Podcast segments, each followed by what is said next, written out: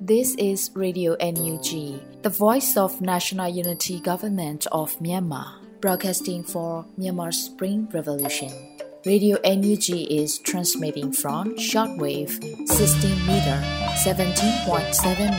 MHz at 8:30 a.m. and 25 meter 11.94 MHz at 8:30 p.m. Myanmar Standard Time. မင်္ဂလာပါရှင်။ မြို့သားညီညွတ်ရေးအစိုးရရဲ့အတန်လွန်ဌာန Radio NUG ကိုမနက်ပိုင်း၈နာရီခွဲမှာလိုင်းတူ16မီတာ19.89 MHz ၊ညပိုင်း၈နာရီခွဲမှာလိုင်းတူ25မီတာ17.6 MHz တို့မှာဓာတ်ရိုက်ဖမ်းယူနိုင်စေနိုင်ပါရှင်။မင်္ဂလာအပေါင်းနဲ့ပြည့်စုံကြပါစေ။အခုချိန်ကစပြီး Radio NUG အစီအစဉ်လေးကိုဓာတ်ရိုက်အတန်လွှင့်ပေးနေပါပြီရှင်။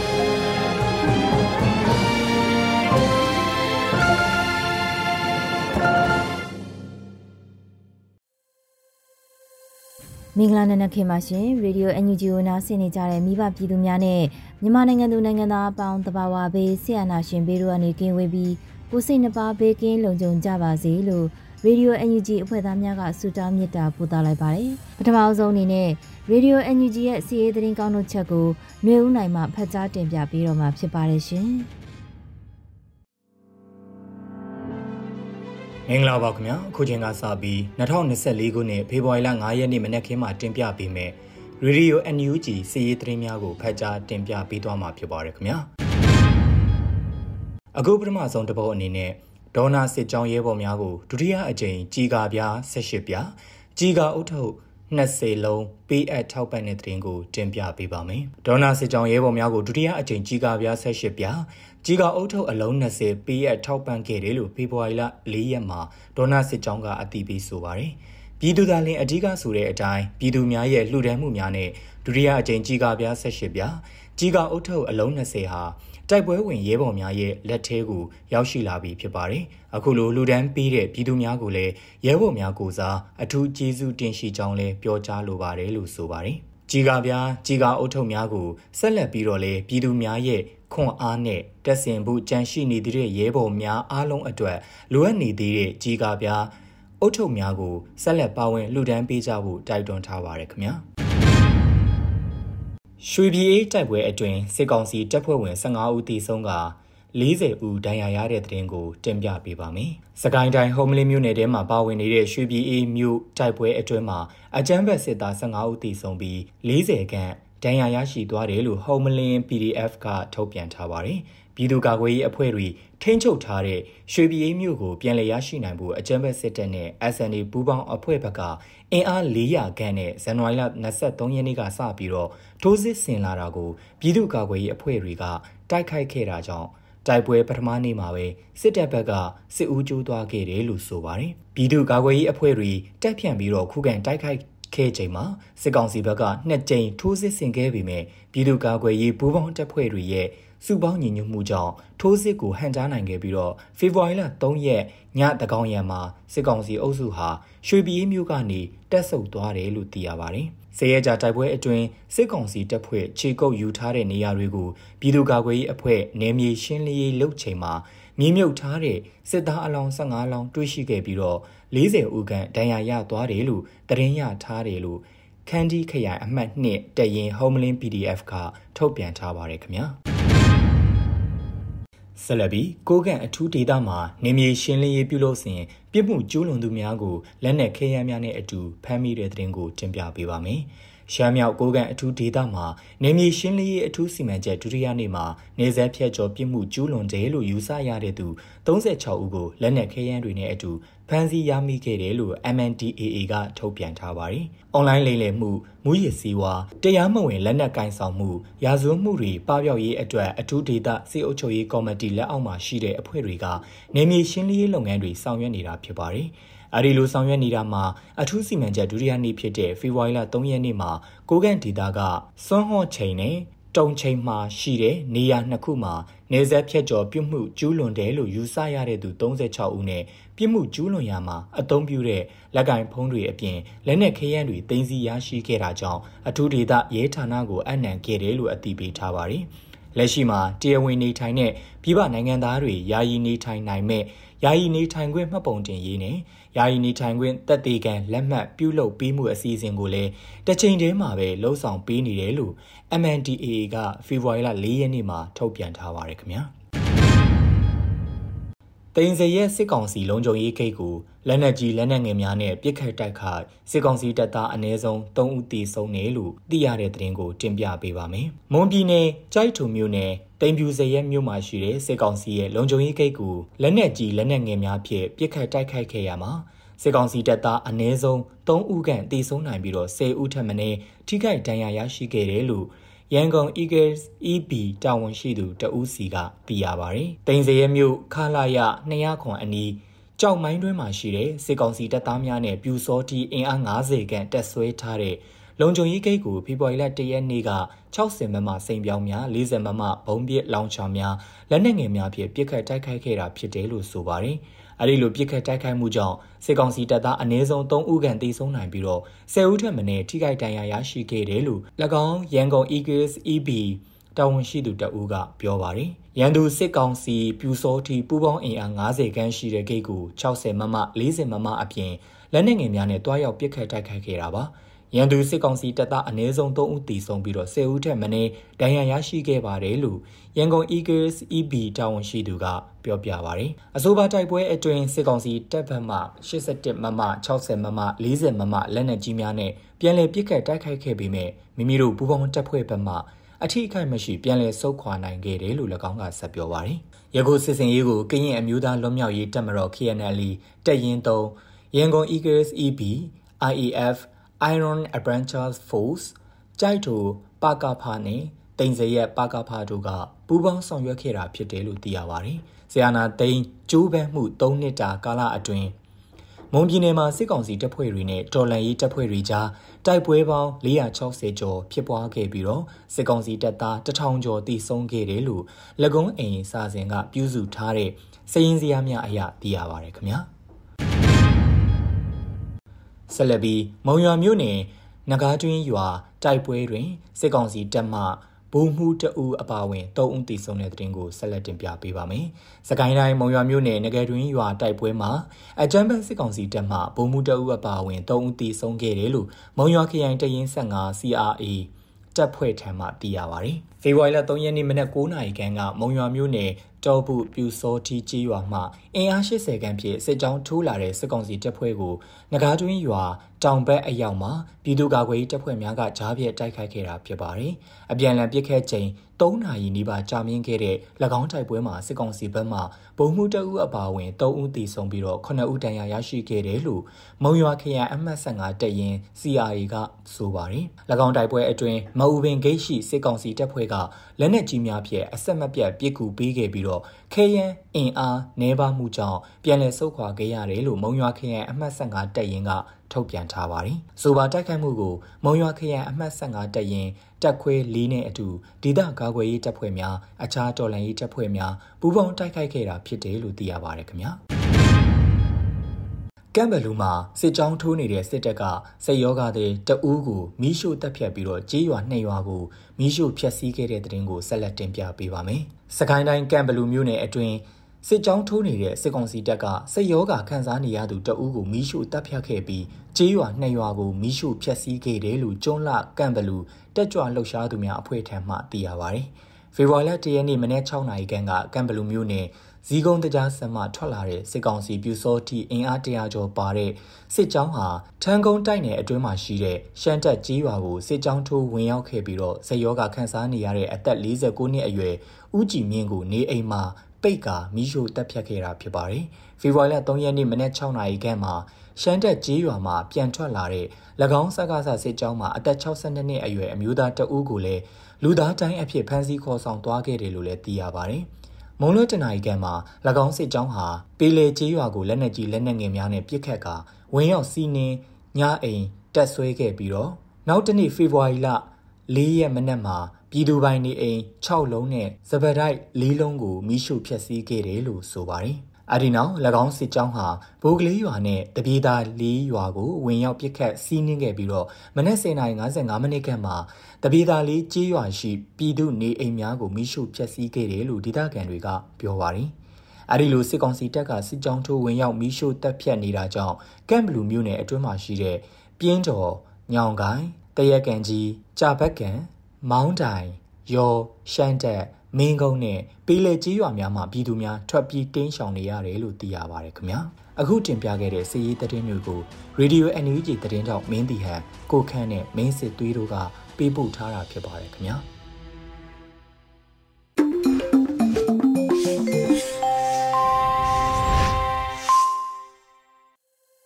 ရေဒီယိုအန်ဂျီမှဆက်လက်အသံလွှင့်ပေးနေပါတယ်။အခုဆက်လက်ပြီးပြည်တွင်းသတင်းများကိုတော့ Sodes လူနေမှာဖတ်ကြားတင်ပြပြီးတော့မှာဖြစ်ပါတယ်ရှင်။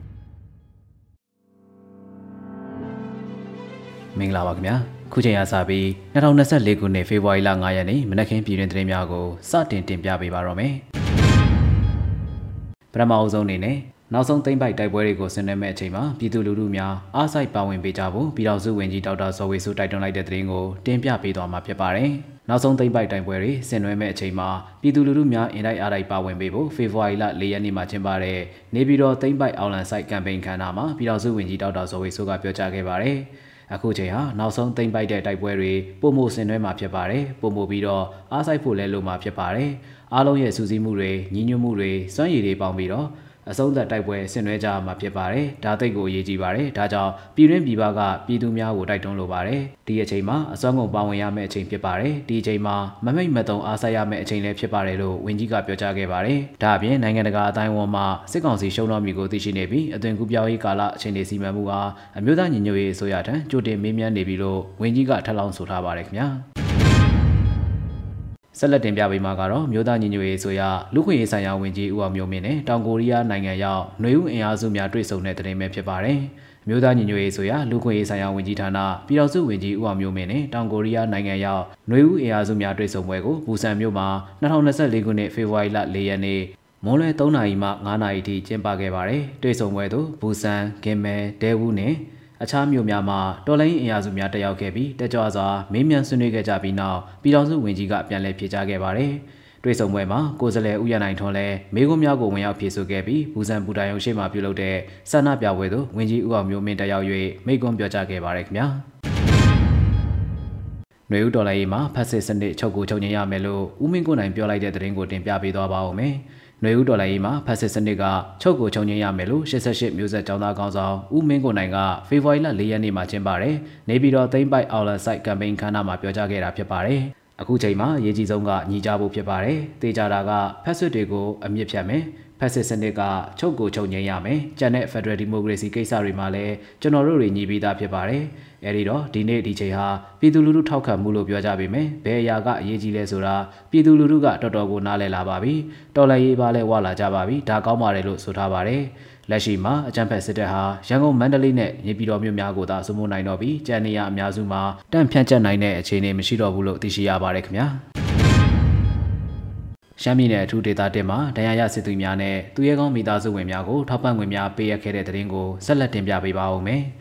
နှစ်တကူအကျိုးအနေနဲ့ဒဏ်ရာရစစ်သူတွေနဲ့သူရဲကောင်းမိသားစုဝင်တွေကိုထောက်ပံ့ငွေများပေးအပ်ခဲ့တယ်လို့ကိုကန့်တက်မတော် MNDA ကဇန်နဝါရီလ၄ရက်နေ့မှာထုတ်ပြန်ထားပါတယ်။အဆိုပါထောက်ပံ့ငွေပေးရပွဲကိုကိုကန့်ခရိုင်အုပ်ချုပ်ရေးခန်းမမှာဖေဖော်ဝါရီလ3ရက်နေ့ကကျင်းပခဲ့တာဖြစ်ပြီးအထူးဒေသအမှုဆောင်အဖွဲ့ကသူရဲကောင်းစစ်တီမိသားစုဝင်တွေနဲ့ဒဏ်ရာရစစ်သူမိသားစုဝင်များတွေ့ဆုံကလက်ဆောင်ပစ္စည်းတွေနဲ့ထောက်ပံ့ငွေတွေပေးအပ်ခဲ့တာလို့သိရှိရပါတယ်။အဆိုပါအခမ်းအနားမှာကိုကန်တက်မတော်နိုင်ငံရေးမှုကျင်ရှင်က တစ်တုံညာနှစ်ကွန်စစ်စေးအောင်မြင်မှုအသီးအပွင့်များအကြောင်းမိတ်ဆက်ပြောကြားခဲ့တယ်လို့လည်းသိရှိရပါတယ်။ဒါအပြင်တစ်တုံညာနှစ်ကွန်စစ်စေးမှာကြာဆုံးခဲ့ရတဲ့သူရဲကောင်းစစ်သည်များကိုလည်းထာဝရသူရဲကောင်းများအဖြစ်မှတ်တမ်းတင်ထားမှာဖြစ်ပြီး၎င်းတို့ရဲ့မိသားစုဝင်တွေကိုလည်းမေးလျော့ထားမှာမဟုတ်ဘူးလို့ MNDA နိုင်ငံရေးမှုကပြောကြားခဲ့တယ်လို့သိရှိရပါတယ်။အထူးဒေသအုပ်ချုပ်ရေးအဖွဲ့ဒူအော့ကထာလေးလောက်ပေါက်ကလည်းသူရဲကောင်းတို့ရဲ့နောက်ွယ်မှာစိတ်သက်မာကြော်တဲ့မိသားစုဝင်တွေကိုစီရှိကြပါတယ်။လူမျိုးစုဒန်းတူညီများခွင့်တွေအတွက်ကြာဆုံးခဲ့တဲ့သူရဲကောင်းစစ်တီတွေကိုစံနမူနာထားပြီးလူတိုင်းကျင့်ကြံသင့်ပါတယ်။အထူးဒေသတေကပြည်သူတွေဟာသူရဲကောင်းတို့ရဲ့ပေးဆက်မှုကို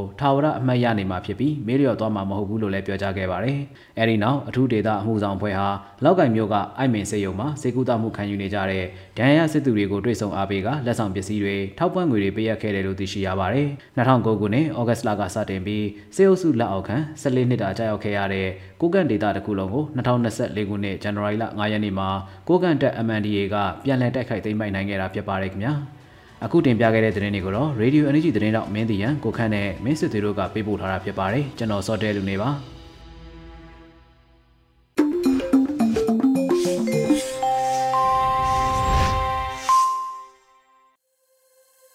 ရေဒီယိုအန်ဂျီရဲ့မနက်ခင်းအစီအစဉ်တွေကိုဆက်လက်တင်လွှင့်ပေးနေပါတယ်။အခုဆက်လက်ပြီးတော်လိုင်းကြပြတစ်ပုဒ်ကိုနားဆင်ရမှာဖြစ်ပါတယ်။စလိုင်းစုံရေးသားပြီးနှွေဦးမိုးခန်းစားရွတ်ဖတ်ထားတဲ့ကြပြရဲ့အမည်က နာကျင်အချိန်ပေါ်မှာအနာတရားလို့အမည်ရပါတယ်ရှင်။နာကျင်အချိန်ပေါ်မှာအနာတရကောင်းကင်ကိုပြေးပြေးမောကြည့်ရတဲ့နောက်နေရက်တွေကိုကြောက်လန့်ခြင်းလို့တင်စားအဲ့လိုပြောလိုက်တဲ့စကားဟာနားလေရအခက်ဆုံးပဲတန်တရားအဆုံးထိတန်မာတဲ့ပဲစီတွေပဲနောက်ဘဝအထိခရီးဆက်ခဲ့ကြຫນွယ်ပင်ຫນွယ်လိုရှက်လိန်နေတဲ့ရင်ဘတ်တွေမှာနောက်ဆန်တင်းတင်းအခုပဲကြည် ဒီခန္ဓာကိုယ်ပေါ်ပတ်ထားတဲ့ဆောင်းတွေတောင်သွေးစိမ့်စတွေစိုးလို့လူလို့တိတက်ဆကလေးကဖိနှိပ်ခံရခြင်းကိုတစားတစားခံစားသိမြင်လူဟာလူလိုမနေရတာဆယ်စုနှစ်များစွာဖះเจ้าရဲ့ခေါင်းလောင်းတန်ဟာရုတ်တရက်မရဏလက်နက်အဖြစ်ပြောင်းလဲချိန်မှာဖះရဲ့လက်တော်တွေရစ်ပူစော်လိုက်ကြတယ်လို့မျိုးတစားစီဖြစ်သွားတဲ့ခန္ဓာအစိတ်အပိုင်းတဲ့ သွေးတွေအသားစတွေနှလုံးသားတွေအသေးတွေကျိုးပဲ့တဲ့ခန္ဓာကိုယ်ကိုဖះလက်ခံပေးပါစိတ်ကစိတ်ပဲယုံကြည်ချက်နဲ့လမ်းဟာတဖြောက်နဲ့ပြေးတယ်မြင်ပြေးလန်းပေါ်ကတဖဝါမှမခွာတက်တဲ့လက်ဟာသွေးတွေနဲ့တန်မာတဲ့ပဲပင်တွေအပွင့်အသီးတွေနာကျင်အချိန်ပူဟာ အနာဒရပူပေးတတ်လေသလားဆလိုင်းစုံ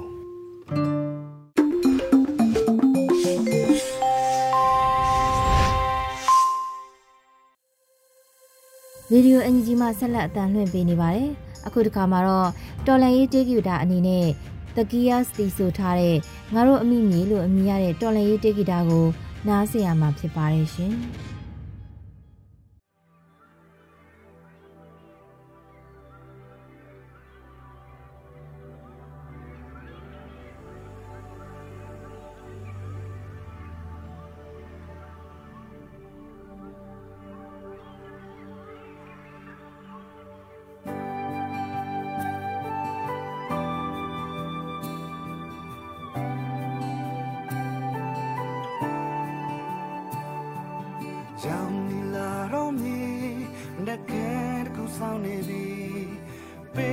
ခဲ့သမျှမင်းရဲ့ကြောင်းတွေကဘာမှမောဝမ်းတီတို့ရှောင်းမရောက်မဲ့ခင်တချို့လက်ဆောင်လို့ပြီးညလင်းချက်ခုနဲ့ဝဲခဲ့တော့လေဆန်လာခဲ့ပြီ I'm mad to let again my Go right to some yeah yeah let try Goodbye me ရှင်သမ်းပါစေရောင်ဆုံးပန်းများလေးဖူးပန်းကြစေမြမပြေရေတန်ချိုးစေအိမ်ချမ်းများတိုင်းလာပါကြလေ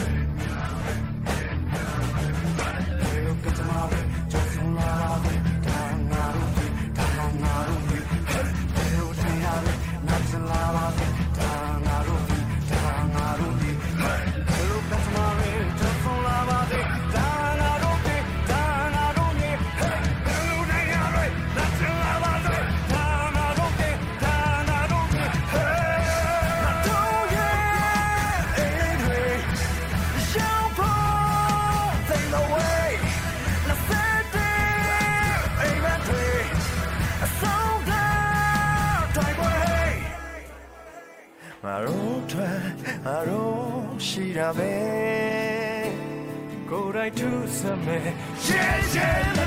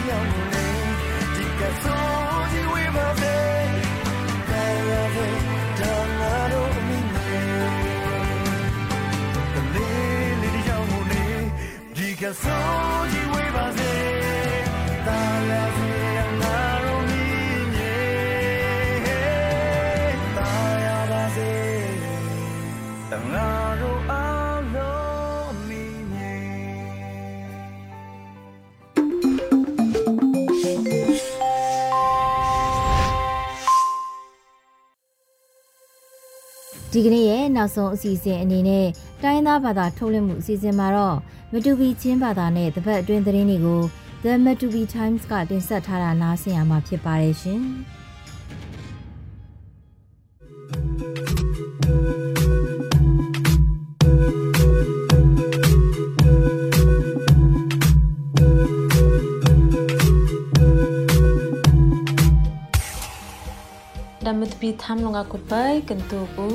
ท้องฮิและกุมกุลกุมดีเฟบรุรีค่ากะอุลทางสนาตากำเปลเปงะแม่เบนกะลมปกอกุปมเพักลงนิมเป็นน้ำทางประคัดอากาศดีดึกตะนากองชินแลนกองสีแน ICNCC แฮบงยงทีกบกทิกอัดก็อัดลาอมนกองแนอัตเลยัลขัดคุยคะอยากทำกุยอุทางสนาแฮเฮละอมนี้ January Nikul Nisrin hin a Kample Penka Ma Ja Wangsa ne Lungbak Wangsa Khui a aka athe donga khu khui ka Pilnam Thang Pakhat dik ti he CDF complete lo athui complete pen khui a มอตอปันหิเนยินละอากาศเขกแค่แม่เบนกะลมปกอากปมพักลงนึมอากาดงะมอตออากมองตูทางประคัดแฮดึกตีตะกะอากกาบเขกแค่ CDF complete ben lo อาลามลีละอมตะกะอากกาบขักตะขอ CDF complete lo อาลาบตีอัมหูอัตาอาศัยนวันบังลากุดกับทุ่งละอมนี้ตะขอ CDF complete lo อทุยชิ นเลนกองซีเน ICNCC คุยอะกปึกอวัยปัจนาเนปะเทงไปยังลาอาอมนดงะกับบงยงติทิกอัดก็อัดลาสินไทยฮัม Global Matu Supporting Committee โลอลอุนนาสาทาละอมตะกะสาดงะขัดเบนขัดบังกะบูปันหิโลประคัดลาอปายนไทยฮัมทิกอัดลาโคนคานเซงะชินรามอักอุกขกตะขอ atuk ham ol unna sa khubal global matu supporting committee ben longkho thik atla apai thai pat khui a kaimi ben longkho kampai u thai ma po tila thuibal chin khabu lawa peng dai ram khung wangsa he sikong silo january nikul nikwan hin a manjong ne bu ma tha balti โคคุยกะเป็นน้ำคักโลเงินโบอโยกติทางปสรีขอดึกติแฮมิงละอม ได้รำคุยะสิกองเสขกาบแนะบางขัลตุกนาอมปดเด January นิกุลนิกวันเฮนตะสิกองสีโลวันยองแนะมังคิดบูมแฮอัฐะละอม ครึ่งวังซาคุยะบูมแฮวันยองแนะไวทุ่มเฮละทาติโคคุยกะ อิมโลอยัดง่ายตะ เปยติแฮมิงละอม อักดึกเป็นน้ำเคิกตะ มินดัดแปงคลุกโคกะเป็นน้ำถังปรุกทุมที่ได้แบนช่องว่าโคกะถังประคัดทุมละอม มินดัดแบนกะอักดึกเคิกเฮตะครึ่งโคลาไซเกลแนะทางอักทักละโอมูตลำขอมิงละอม เช่นขบุลฮาคาขบุยกะสิกองสีกุนหุยะบีอักบีปลิกประคัตตา thong hi la kum kul kum li january ni kul ni red hin a ama ka apom lopok sa khap phin ne cdf ka le ka bo kang ko kkg ting la halut la om taka palik lo hang khun ta g3 yung khat sa khap yin hi la som thum pan hi lung ne cdf kkg ting la halut te heming la om taka palik heta CDF KKG လိုတန်ကာတင်းဆမ်ငါကုဒအပေကတိဆစင်းနမ်ဟွန်ဘန်လာဘဟိအထာအိုတိဟဲမင်လာအုံဒိုင်ရမ်ခွေယာစီကောင်စီကာခကပ်တမစတိခမာယနယတဆခွင်ခမာယ396ခမာယ938ခမာယ920ခမာယ939ခမာယ38 ခမယ980ခွင်နဲ့ခမယ910ဘန်ကဟန်ကပ်ထန်ထင်းအားဟဲ CDF ဒိုင်လိုအတူကလာအုံးတကအတူကူစစ်ကောင်စီဟကပ်စနာဟတာ EE လိုပလဝဘန်ဟဲဘတ်အခမ်ဘေငါအကယုံဟကပ်စနာလာအုံးတီပလဝနဲ့သမီဒိုင်ရမ်ဘန်လာအယုံဒုံငါ CDF ဒိုင်ဘန်လိုကတူကူတလာဥလ်ထန်အကဟုတ်နာထန်ပခတ်လို ระคัดโลดมดบีทามาอทุยชินแลนกองซีเบนโลชินรำอุกติมนะฮัมชินแลนกองซีโลอสายอุปเดนิงละชินรำอุกนาไทยฮัมเนมอดกุ้งเคิกตึกนาปอยเฮตาท่องนิแลกุมกุลกุมลีเฟบรุรีนิขัดหินาอสายละอม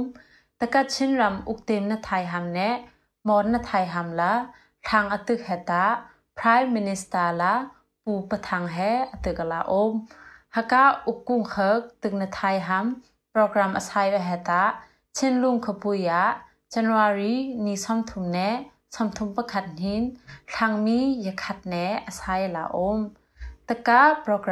อตึกละ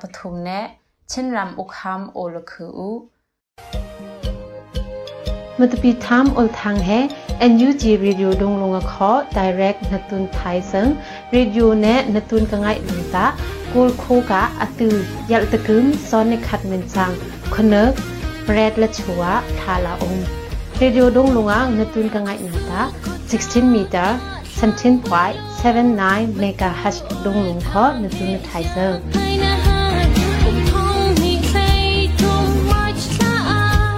ดำมตุบีทำอลทางกันตุนนาเบยสัวซาลซาลาอมไงนางก็คือ ဒီ